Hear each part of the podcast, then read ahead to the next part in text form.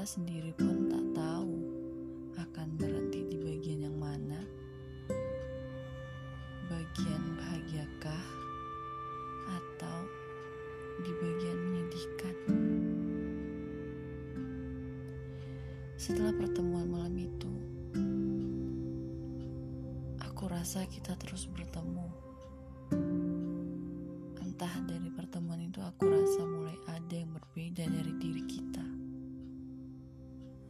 Terutama dari kamu memandangku.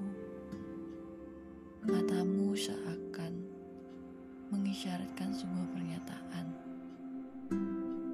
Entah itu apa.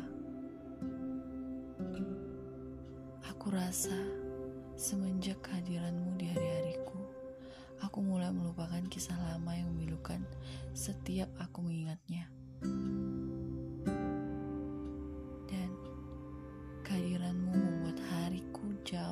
Cerah. Entah akan tahan sampai kapan.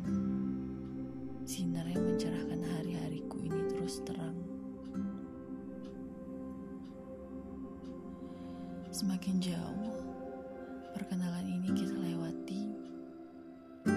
Aku pun merasa ada yang tak biasa. Hingga satu hari kau menyentuh tanganku seperti enggan kehilangan genggaman itu. Saat itu aku mulai merasa bingung dengan perasaan yang mulai menyesakkan dadaku. Jantungku terasa ingin meledak.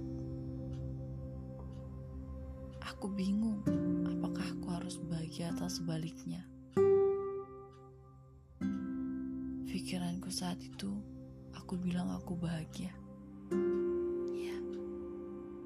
Bahagia karena kehadiranmu.